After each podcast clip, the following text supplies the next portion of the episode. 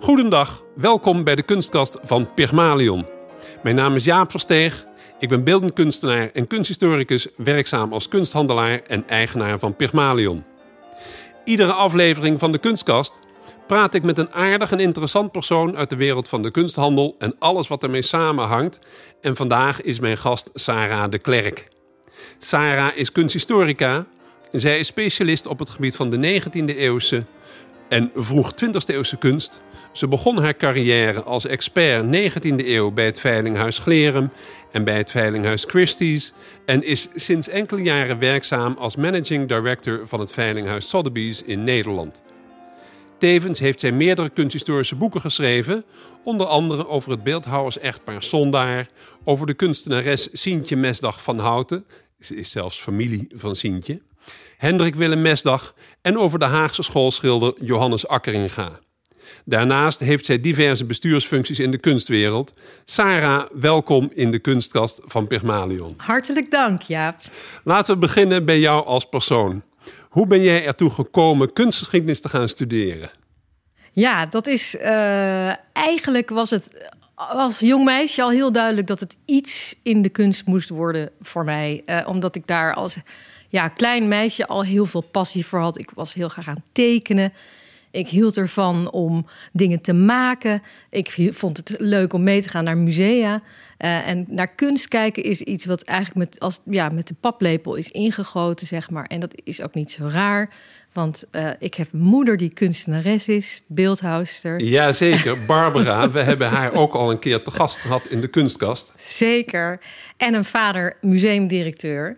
Uh, en Steven. ja, dus eigenlijk is kunst uh, in mijn familie iets. Ja, dat, dat is onderdeel van het leven. Net zoiets als eten en drinken. Is kunst iets wat dagelijks bestaat.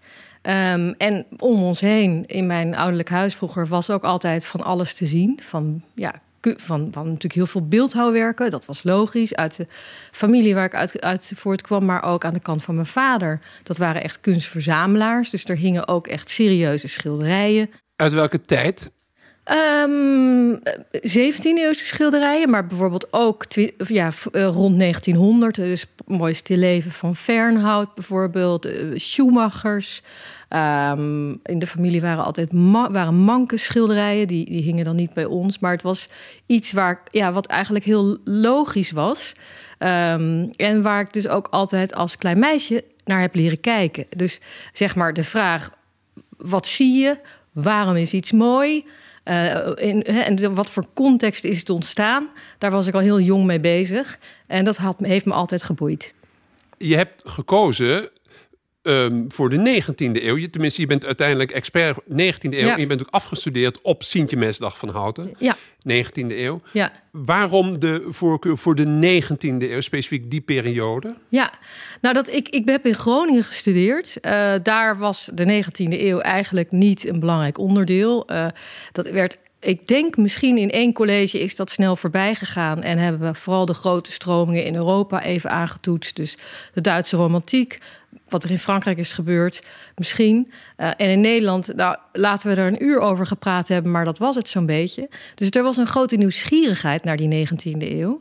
Um, en ik had er al een beetje mee te maken gehad tijdens mijn stages uh, in het Friesmuseum.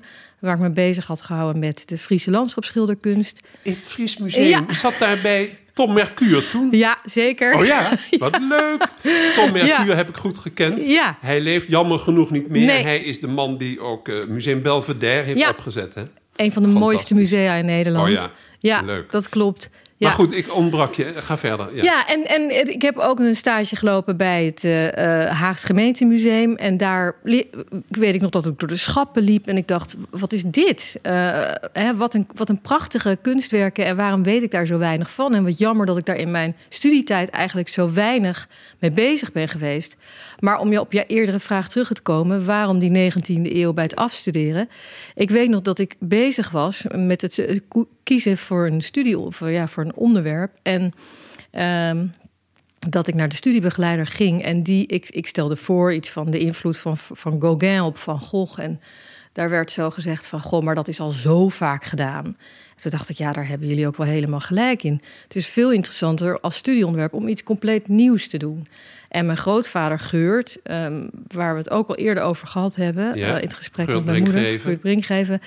die zei, maar waarom ga je je niet verdiepen in Sientje? Sientje is een oud-tante, uh, Sientje van Houten. En in hun huis hingen allerlei Sientjes overal. En de, uh, er was wel eens wat over haar geschreven, maar het was zo weinig. En toen heb ik besloten om dat te doen. En in Groningen vonden ze dat ook een goed idee. Omdat het een kunstenaar was die... Het was niet de belangrijkste kunstenaar van de Haagse school... aan het einde van de 19e eeuw. Maar ze was wel iemand. Uh, en uh, er was weinig over haar bekend. En Ja. dat hele speurwerk, dat vond ik heel erg leuk om te doen.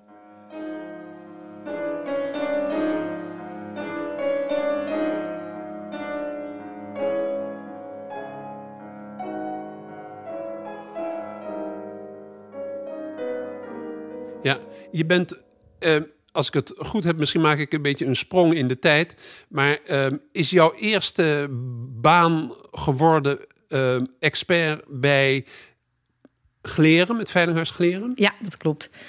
Hoe ben je bij Glerem terechtgekomen? En kan je misschien nog iets vertellen over de oud-directeur Jan-Pieter Glerem? Ja, zeker. Heel graag ook. Uh, ik ben ja ook via, via de wereld, de kunstwereld is klein, zoals je weet, uh, kon ik uh, een stage lopen. Dus nog even terug. Ik, ik zei tegen mijn ouders: ik wil graag bij een veilinghuis werken. Uh, omdat ik dat als klein meisje al had gezien op het nieuws. Toen ik weet dat de, dat de Van Goghs verkocht werden eind jaren 80 voor 80 miljoen dollar of iets dergelijks. En dat ik op het nieuws uh, die veilingzalen zag en al die mensen achter die telefoons. Toen dacht ik, wat een waanzinnige wereld. Dit is zo spannend, hier wil ik deel van uitmaken. Maar mijn vader, die museumdirecteur was, die zei... nou, dat is niks voor jou, dat is veel te commercieel... en jij moet veel meer onderzoek doen en je moet veel meer aan die kant gaan zitten... en begin met die stages bij die musea om dat uit te zoeken. Dat deed ik en ik vond het daar fantastisch. Maar toen kon ik ook een stage lopen bij Jan-Pieter Glerem... En toen ging er toch echt een wereld voor mij open. en dat was uh, de, de veilingwereld. En dat ja. waren mijn eerste stapjes daar. En Jan-Pieter was natuurlijk net vertrokken bij Mak van Waai Sotheby's... toen aan Trokin in Amsterdam. Ja. En zijn eigen veilinghuis begonnen in Den Haag. En daar mocht ik uh, stage lopen op de afdeling, afdeling 19e eeuw. En ik vond het fascinerend om daar... Uh, ja, te mogen werken. Was jij de enige expert 19e eeuw daar toen? Nee, ik mocht, mijn, mijn baas was toen Wildfried Idema. Die deed, deed toen de 19e eeuw. Die is daarna uit de kunst gegaan. Um, maar ik mocht dus heel veel zelf doen. En Jan-Pieter zei, die zag, die zag wel dat er iets van talent uh, was, zo gezegd. En die zei, ga jij maar een uh, posterveiling maken. En ik dacht, dat is fantastisch. Er was een gelijk 400, 500 posters en ik wist niks van posters. Maar ik mocht een veiling maken en er kwam een catalogus... en er kwam een hele veiling en er kwamen zelfs mensen. En het ging nog goed ook. Ik denk, die veiling bracht misschien 100.000 gulden op. Maar dat was de eerste keer. En ik, ik was er verslaafd aan. Ik vond het zo spannend. En toen mocht ik een grafiekveiling maken. En Jan-Pieter die, die zei ook, ga maar doen. Ga maar kijken. Ga maar langs, ga maar, ga maar met mensen praten. Wat het verschil is tussen een ex en een lito, of een ets en een lito. En al die verschillende grafische technieken. Had ik wel iets van geleerd op de universiteit. Maar, maar goed, in ieder geval, hij gooide me in het diepe en hij had vertrouwen in me. En, uh, en dat was, uh, daar heb ik dus een paar jaar gewerkt. Ik denk dat je aan Jan-Pieter Glerem een hele goede leermeester hebt gehad. Hij was een bekendheid destijds via de televisie, waar hij ook hele leuke programma's presenteerde. Heb jij ook goede herinneringen aan hem toen je daar kwam werken als jonge student? Wat heeft hij jou in het bijzonder geleerd? Nou, wat hij mij geleerd heeft, is echt kunst in de context plaatsen. Dus hij zei bijvoorbeeld, want ik ben in het begin ging ik met hem op stap. En dan uh, zei hij: Bedenk je bij dit schilderij niet alleen wie het geschilderd heeft, maar bedenk ook waar hij het geschilderd heeft, wanneer hij het geschilderd heeft, wat er toen in die periode voor muziek gespeeld werd, wat er voor ontwikkelingen aan de gang waren. Hij zei echt: probeer eh, ja, dat breder te zien. En dat geeft je heel veel informatie over dat schilderij. Dat zegt je ook. Niet alleen de informatie die in de boeken staat, maar we denken ook wat werd er gegeten, wat was de muziek, uh, plaats het op die manier. En dat is iets waar ik eigenlijk tot op de dag van vandaag nog vaak aan denk. Dus echt de visualisatie van een schilderij in de tijd, in de context. Ja.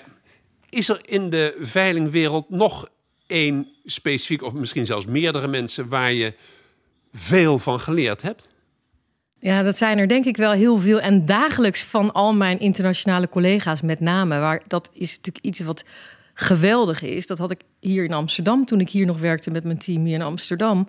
Maar nu werk ik veel internationaler. Dus je bent de hele dag met echt de beste specialisten in contact.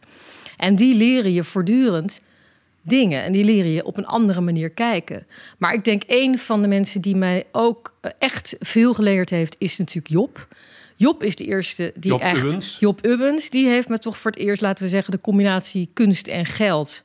Uh, echt het commerciële element. Um, daar heeft hij me ja, echt wakker voor gemaakt, laten we het zo zeggen. En ook om, te, ja, om daar ja, die combinatie van de passie aan de ene kant, maar dat het ook ja, leuk is of een soort jacht of spel, om het ook goed te kunnen verkopen.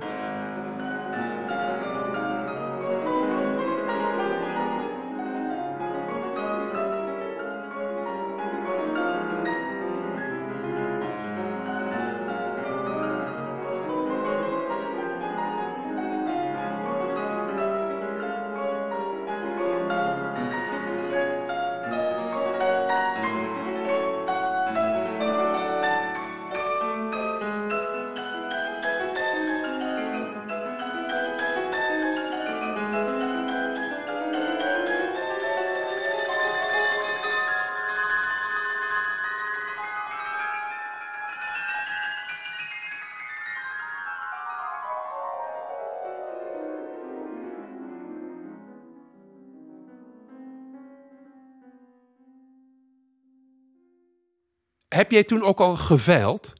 Uh, als veilingmeester nee, want ik ben nooit veilingmeester geworden. Uh, ik, ik ben altijd aan de, ja, aan de expertkant gebleven, zeg maar. Er waren natuurlijk een aantal van mijn collega's, zoals bijvoorbeeld Job... die een hele, ook wel echt heel uh, ja, hele bekende veilingmeester is geworden uiteindelijk. Maar ik heb nooit die ambitie gehad om achter het rostrum te staan. Nu heb je zelf al de overstap gemaakt naar um, Christie's. Ja. Want Job Ubbens heeft jou toen een gegeven moment gehaald ja. naar Christie's. Ja, klopt. Ja. En was jij toen zijn opvolger of begon je als zijn samen, als zijn collega? Nou, hij schoof toen door naar het management, want hij werd toen uh, hoofd van Christie's in Amsterdam. En ik heb eigenlijk uh, kwam in zijn afdeling van de 19e eeuw, op, waar op dat moment Francine Wolterbeek nog hoofd Ja. was. Uh, maar die ging toen op een gegeven moment ook weg. En toen werd Is naar ik dat- Parijs gegaan? Die is naar Parijs gegaan en toen werd ik in 2004 of 5, dus een paar jaar later, werd ik hoofd van die afdeling. Ja. Ehm, toen heb jij ook een heel team om jezelf eh, heen verzameld. Ja, Hoe ben je daarin te werk gegaan? Ben je, heb je contact opgenomen met de universiteit of hoe ging dat? Ja, eigenlijk zijn dat dingen die heel natuurlijk gaan. Maar ik ben altijd een enorme voorstander van eh, stagiaires en, en van, van jonge mensen om je heen creëren. Dat doe ik nog steeds. Altijd omdat ik denk. eh, ik heb het zelf ook ooit mogen leren als stagiaire. En het is al zo moeilijk om een stap te maken in die kunstwereld. Want die kunstwereld is zo klein en zo dicht. Dus ik wil ook graag die kans bieden aan jonge mensen. En op die manier, dat is natuurlijk een hele mooie pool om talent waar te nemen. Dus we eh, hadden bij Christie's en nu ook weer eigenlijk altijd mensen rondlopen. En als er dan een keer een positie vrijkomt, zijn dat natuurlijk de mensen waar je naar kijkt. Ja. Heb je nog contact met sommige van die medewerkers? Werken die nu ook, eh, werk je daar nog steeds mee samen? Eh, ja, eigenlijk wel. Eh, er, wordt ook wel wat geschoven eh, natuurlijk in de kunstwereld. Dus sommige mensen zijn op een gegeven moment hebben besloten om wat anders te doen. Sommigen werken nog steeds bij Christie's, waar ik natuurlijk weg ben. Maar het contact is er nog altijd. alleen niet zakelijk natuurlijk. Ja. Nog even doorgaan ook over het veiling wezen, uh, Glerum en misschien ook bij Christie's. Kan je vertellen over misschien wat mooie ontdekkingen die je hebt gedaan? Of misschien bepaalde veilingen waar je met bijzonder veel genoegen aan terugdenkt? Ja, nou, het, het mooie van dit vak, en daarom vind ik het dus nu twintig jaar later nog steeds altijd nog zo fijn om hier te werken, is dat je de hele dag eigenlijk op een soort detective werk ben je bezig. Je bent op zoek naar, naar, naar schatten. Uh, dus het, is, het, het, mooie van het veilingwerk is, en, als je het verhoudt met natuurlijk het werk in een museum, waarin eigenlijk alles al staat. Het is al, de kunst heeft zich al bewezen en, en het is al duidelijk, al het onderzoek is, is grotendeels al gedaan. Maar in, in, het, het veilingvak uh, is het ook soms dat je nog ontdekkingen kunt doen. En dat vind ik als kunsthistorica uh, het allerleukst. Dus het is ja, gewoon de hele zoektocht naar ook bijvoorbeeld ja, ongesigneerde werken, maar ook onbekende werken. Vorig jaar hebben we bijvoorbeeld die prachtige tolen verkochte biljartspelers. Ja. Voor een recordbedrag, ik geloof bijna een half miljoen. Dat is nog nooit zoveel betaald voor een werk van Willem Bastiaan Tolen. Dat kwam uit Amerika. En dat was een, een schilderij wat in de jaren, ik geloof 1910, nog voor het laatst gepubliceerd was, zwart-wit. Niemand wist hoe het eruit zag. En dat heb ik op een gegeven moment ergens gevonden. Ja, dan maak je gewoon een vreugdesprong. Ja. Dat zijn zulke ontzettend leuke momenten. En dan het hele traject van het onderzoek en van iedereen informeren. Hè, de, de particulieren en de musea die mogelijk geïnteresseerd zijn.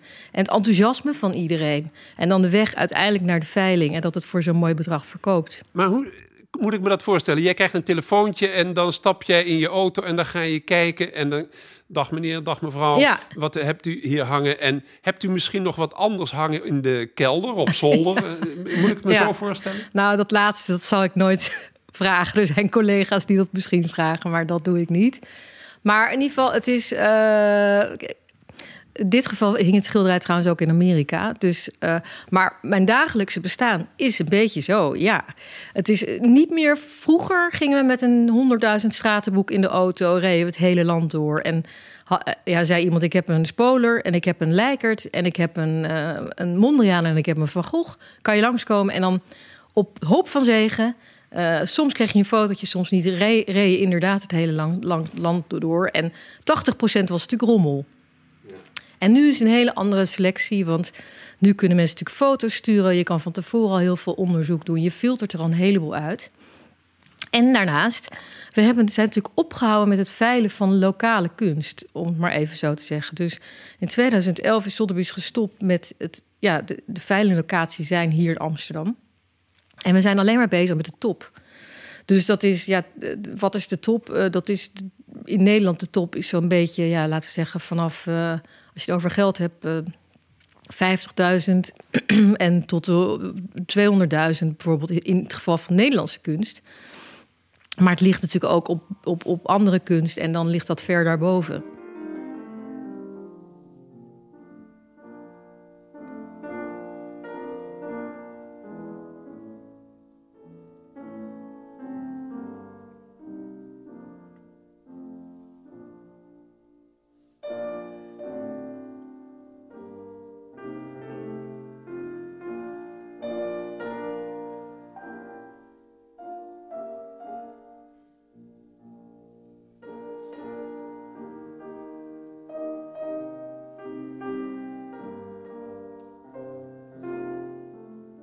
Je hebt ook een heel erg leuk boek geschreven over het beeldhouwers-echtpaar Sondaar.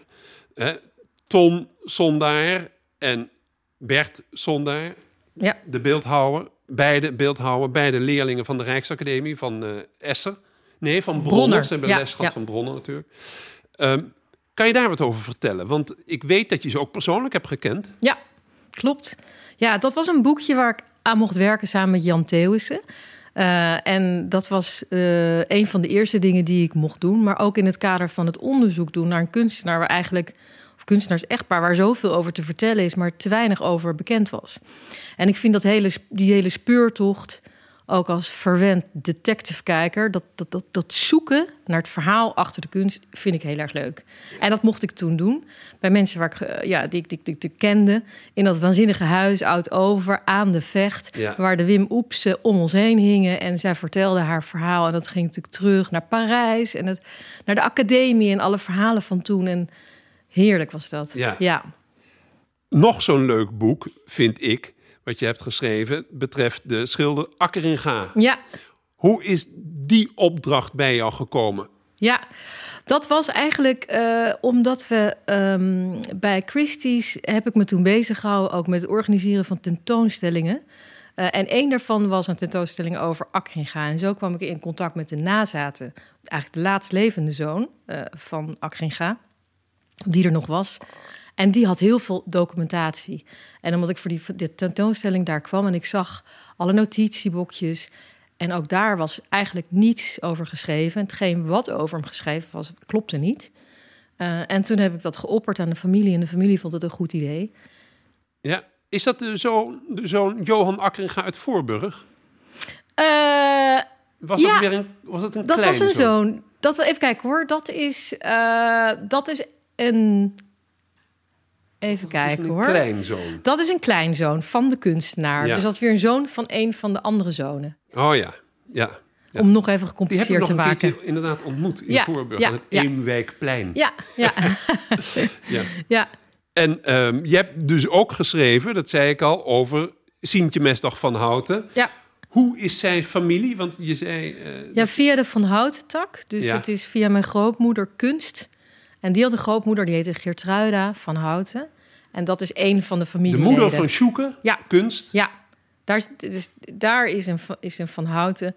Oh, ja. Eh, dus, en die hingen ook altijd in het huis van mijn grootouders. Dus daar werd altijd gezegd, dit is eh, mevrouw Van Houten. ja. En dat is een, ja, dat is een, een link met Sientje.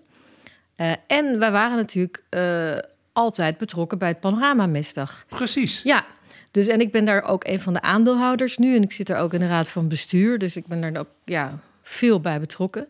Eh, en eh, ja, dat is natuurlijk heel, heel bijzonder. Ja. Je bent volgens mij ook actief, of actief geweest in ieder geval, binnen de Vereniging voor Nederlandse Kunsthistorici. Ja, ook. Ja, In het bestuur. ja, dat was een van mijn eerste bestuursfuncties. Ja, klopt. Wat heb je daar gedaan? Wat voor een vereniging is dat? Ja, Nou, ik dat weet is het wel, maar de, de luisteraar Nou, dat is de Vereniging voor Nederlandse Kunsthistorici. Is een eh, vereniging die al wel een tijd bestaat, maar die op het moment dat wij, dat ik ermee bezig was, ehm, ja, wij vonden dat het niet goed genoeg functioneerde. Dus we hebben echt heel erg geprobeerd om meer verbinding te zoeken met, met ehm, de afgestudeerde kunsthistorici, ook om een platform te bieden voor jonge kunsthistorici, eigenlijk een netwerk creëren. En ook een soort informatieplaats. Dus eh, het, het, ook een beetje het codart-idee, maar dan voor dat, dat, ja, dat het makkelijk gemaakt wordt om, eh, om, om elkaar te benaderen, zeg maar.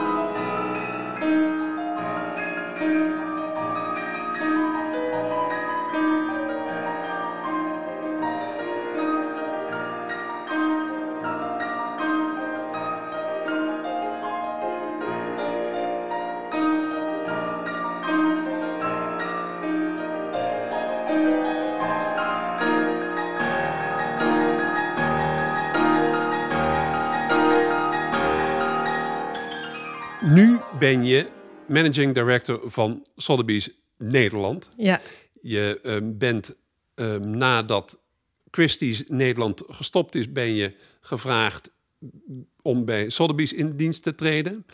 Wat is jouw, ehm, waaruit bestaat jouw werk op dit moment? Hoe moet ik me dat voorstellen? ja. Nou, het is, aan de ene kant is het het managementdeel. Dus dat is het, het, het ja, eh, zorgen dat, dat, dat het allemaal goed loopt hier. Dat kunnen vanaf dingen zijn zoals zorgen dat alles goede, goede verhouding is met de, met de verhuurder van het pand, bij wijze van spreken. maar het is natuurlijk ook zorgen dat we onze exportcijfers halen en onze targets. En het team motiveren en zorgen dat er dat we eh, ja, heel, heel duidelijk eh, zichtbaar zijn in de wereld. En dat mensen ons vinden en niet de concurrent, bij wijze van spreken. Dus dat is, dat is één heel groot deel. Maar ik heb een fantastisch team en iedereen is. eh, ja, ik ben ongelooflijk blij mee en iedereen draagt daar heel goed aan bij. Ehm, en het is een klein team, dus dat is, we moeten, het is wel alle hens aan dek in die zin dat toen ik nog bij Christie's was, was daar een, een, een persafdeling en was er een logistieke afdeling. En hier moeten we toch ook wel een beetje dingen zelf doen. Dus dat is anders. Uh, en daarnaast is natuurlijk de grote uitdaging dat mijn, ja, mijn passie is natuurlijk de kunst. Dus ik moet ook, en daar ben ik ook wel veel mee bezig, toch nog altijd met het op zoek gaan naar kunstwerken voor de veiling en voor de verkoop. Maar ja, af en toe uh, moet ik me daar echt los, losrukken van de dagelijkse taken om daar aan toe te komen. Ja. Sotheby's is gestopt in Nederland in die zin dat er hier niet meer geveild wordt. Maar ik begreep van jou dat er toch ook wel weer private sales plaatsvinden hier. Ja, dat klopt. Ja, we zijn natuurlijk, we passen ons, ons snel aan aan de veranderingen in de wereld. En dat wil zeggen dat op dit moment natuurlijk bijna ja, 75% van de veiling online plaatsvindt, dus niet meer live. Uh, dan is dus de hele locatie niet meer belangrijk. En wat we uh, in, hier nu doen in Amsterdam, is dat we ook de top van de Nederlandse kunst, die we vroeger in Amsterdam zouden houden, uh, maar die in het buitenland nog niet, niet echt interessant zijn of net te weinig waard, private sale verkopen. Naast andere ja, privé schilderijen die we verkopen hier. En is dat, heb je dan over 16e, 17e, 18e, 19e, 20e eeuw? Ja, ook allemaal. Ja. Maar goed, ook nu hangt er bijvoorbeeld, dat heb je gezien, uh, een, een, prachtige Marius Bauer. We hebben een mooie Gabriel, Springer, dat soort schilderijen. En die worden dus niet geveild in Londen, die worden gewoon hier in Amsterdam geveild. Ja, precies. Ja. Um, we komen aan het eind van het eh, gesprek en uh, dan heb ik een standaardvraag en die luidt...